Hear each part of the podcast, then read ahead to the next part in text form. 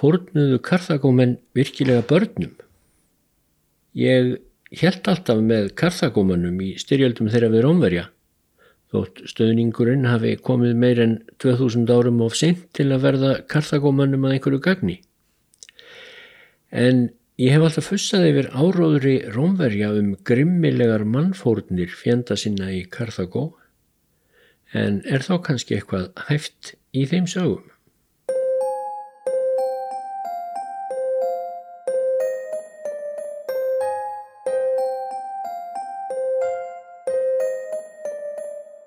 Þegar ég var strákur hafði ég engan áhuga á fótbolta og gatt þess vegna ekki fengið á því sviði útrás fyrir þá inngrónu kvötmannsins að halda með einhverjum. Þegar ég uppgötvaði 10-12 ára gammal að ætlast var til þess að strákar á mínum aldri heldu með einhverju liði í ennsku knatsbyrnunni þá fór ég að vísu í mokkan eða vísi og valdi mér lið til að halda með. Ég skoðaði bara töflu yfir liðin í efstu deildinni og að því ég vissi nákvæmlega ekkert um þessi lið þá varði ég að láta hljóm nafnsins næja þegar ég valdi mér uppáhaldslið. En þar báru úlvarnir af og síðan hef ég haldið með Wolverhampton Wanderers. Vegna sinnuleysis um fótbolta í þá daga var aðdán mín á Wolves hins vegar ástríður laus með öllu og fullnægði enganvegin fyrir nefndri kvöt mér var í rauninni nákvæmlega sama hvernig úlfunum gekk í lífinu. Það var nú líka eins gott því nú hófst mikið niðurlægingar tímabili í lífi fótboltafélagsins sem endaði með því þegar vestlétt að það var komið nýr í fjörðutild og ég hafði því engan og ekkert til að binda mitt hljóða trús við. En þá kom mannkinsagan mér til bjargar. Þar var nú aldrei sagt að halda með einhverjum. Að vísum voru úrslit alltaf þegarkunn í öllum þeim rimmum í mannkinsögunni sem ég fór nú að hella mér honi en það skipti ekki öllum máli. Það var samt velhægt að fá útrás fyrir kvötina til að halda með einhverjum í einhverjum miklum átökum eða stríði.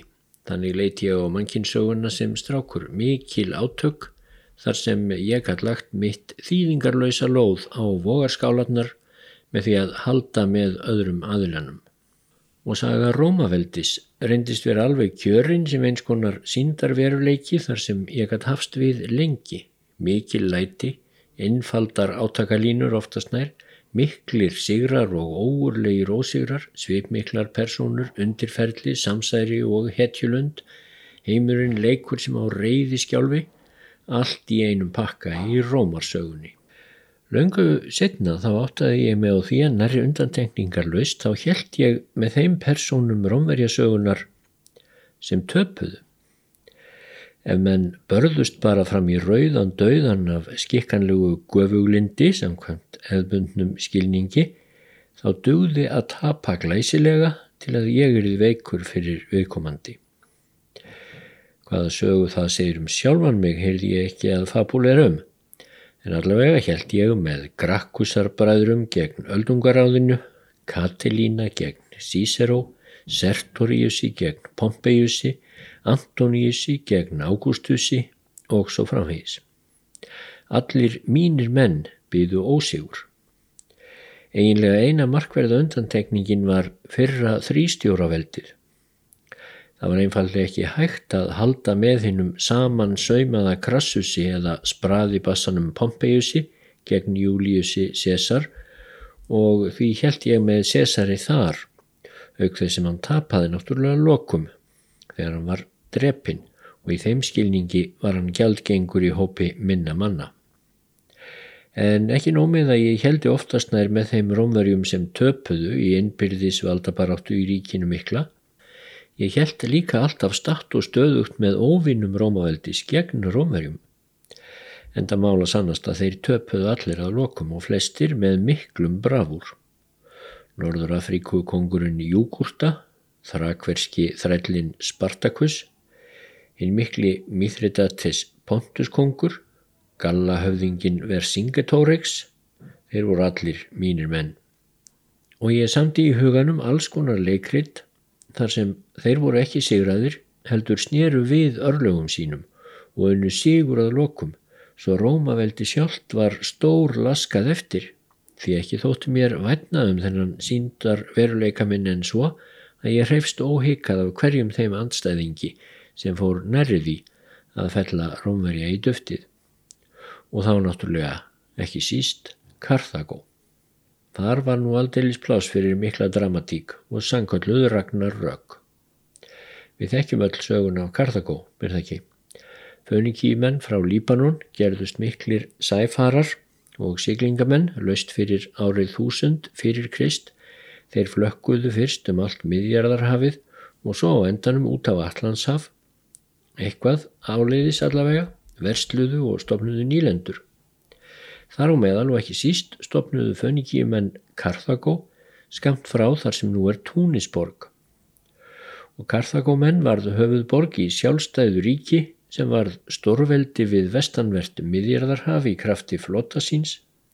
Karþagómenn réðu löndum á Sikilei, Spáni og Víðar og þróuðu stórmerkilega menningu sem því miður er allt of lítið vitað um. En um miðja þriðjöld fyrir Krist þá voru rómverjar kominir á lappirnar á Ítalíuskaga og fóru að seilast til landa og áhrifa karþagómanna og það er til marg sem bölvaðan dugnaðin í rómverjum alltaf að þóttir hefðu aldrei mýið í saltansjó fram að því þá komu þeir sér á örskömmum tíma upp öflugum flotta og sigruðu karþagómenn á þeirra heimavelli sem var sjórin. Karþagómenn börðust á hæl og hnakka, það máttuður eiga Hinn mikli herfóringi Hannibal Barca réðst inn á Ítalíu skaga sjálfan með sína frægu fíla sem reyndar var ekki nema einn þegar yfir Alpafjöllin var komið. Og um, Hannibal virtist um tíma þess albúin að hernema sjálfa Rómaborg en út í það lagði hann þó aldrei. Og hann tapaði að lokum fyrir hinn í æbetur smurðu hernaðarvél Rómverja og eftir að hafa verið hundeldur um öll miðjarðarhafslönd svifti Hannibal sig að lokum lífi frekar en falla í hendur hinna miskunarlausu andstæðinga sína. Uff, þessi saga var svo magnþrungin fyrir stráklingin mig að æsíðan hafa Karthagómenn verið mínir menn og Hannibal mesta hetjan. En ekki dögðir ómverjum að sjá á eftir Hannibal til heljar. Þótt Karthagó hefði þá verið siguruð tvísvar var dugnaður borgarbúa slíkur og sjálfsbjargar viðleitnin svo rík að fyrir en varði voru þeir enn komnir til tölverðs auðs og áhrifa við miðjörðarhafið. Það var þá sem hörkutólið Kato fór að krefjast þess í hverju einustu ræðu í öldungaráðun í Róm að auk þess lögðan til að Karþagó yrði lögð í eigði og að lokum var það gert. Rómverjar fundu sér tilipni til að fara með nýju stríði á hendur Karþagóborg settust með ofurefli liðs um borgina og þótt Karþagómenn verðu sig af gífurlegri hörku hlaut um sátreða enda með algjörum sigri rómar. Allir borgarbúar gengu til varna á múrunum og þegar rómverjar komist inn fyrir múrana var barist um hvert einasta hús, rétt eins og í Stalingrad, löngu síðar. Konur jæmt sem karlar vörðu frelsi sitt í borginni þar til yfir laug og þegar öllu var lokið Ná hlupu Karþagómen í eld frekar en falla í hendur Rómverja sem byðu þess að hlekja hinn að frjálsbornu sem þræla. Heimildir hermaða meir en 400.000 borgarbúar hafi fallið en 50.000 komust lífs af og voru allir með tölu neftir í þrældóm eftir loka orðstuna árið 146 fyrir Krist. Og svo algjör var eðilegging þessarar miklu borgar að jável rómverjar sjálfur grétu örlög hennar.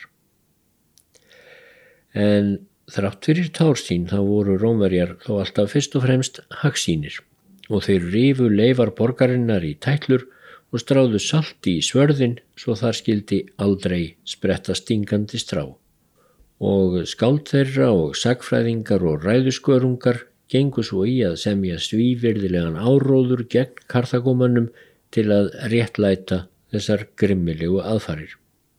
Rómerjar þekktu nefnilega gildi áróður svo almanatengsla allra manna best í fornöld og voru ekki vandrið meðurum. Þar á meðal beittu þeir óspart því kunna skítabræði að saka anstæðinga sína um grimmilegar barnafórnir. Ég man að ég gretti mig á heift þegar ég las það, tár votur um augun af sorg yfir hörmulegum örlögum og hinnum algjara ósigri karþakomanna því ég vissi ósku vel að ásakanir um barnafórnir eru alltaf síðasta úræði hinn að samvisku lausustu áróðusmanna muniði bara hvernig gýðingahattarar lögu því syngt og heilagt upp á gýðinga að þeir fórnuðu börnum og blönduðu blóðu þeirra í matsinn. Sem betur fór hættum en alveg að trúa þessum vonda fjára upp á karþagómen á endanum og orðstýr karþagómanna var endurreistur og seint auðvitað, menning þeirra var þá alveg nýður brotin og meira minna horfin en samt þeir töpuðu þó með sannri reist, það var ekki hægt að neyta því. En viti menn, í splunkuníu hefti af tímaritinu Antiquity eru byrta niðurstöður viðamikilla rannsókna á sérstökum barnakirkjugörðum sem fundist hafa í rústum Karthagóborgar. Þessir kirkjugarðar hafi på síðkastið verið taldir merkið um hver vænt borgarbúum þótti um börnin sín, þvert hon í óhróðurinnum fórnirinnar. Þau voru lögð til kvílu svo fagurlega í sérstökum gravreitum, en sem sé, nú reynist það þá vera niðurstaða fræðimanna segir í Antiquity að víst hafi þessum börnum verið fornað og flest öll eru bara kvítfóðungar. Og hvað á maður þá að gera við minningarnar um hína ódeigu karþagomenn sem vildu heldur degja en vera sveiftir frelsi sínu? Er hægt að halda með fólki sem fornar börnum?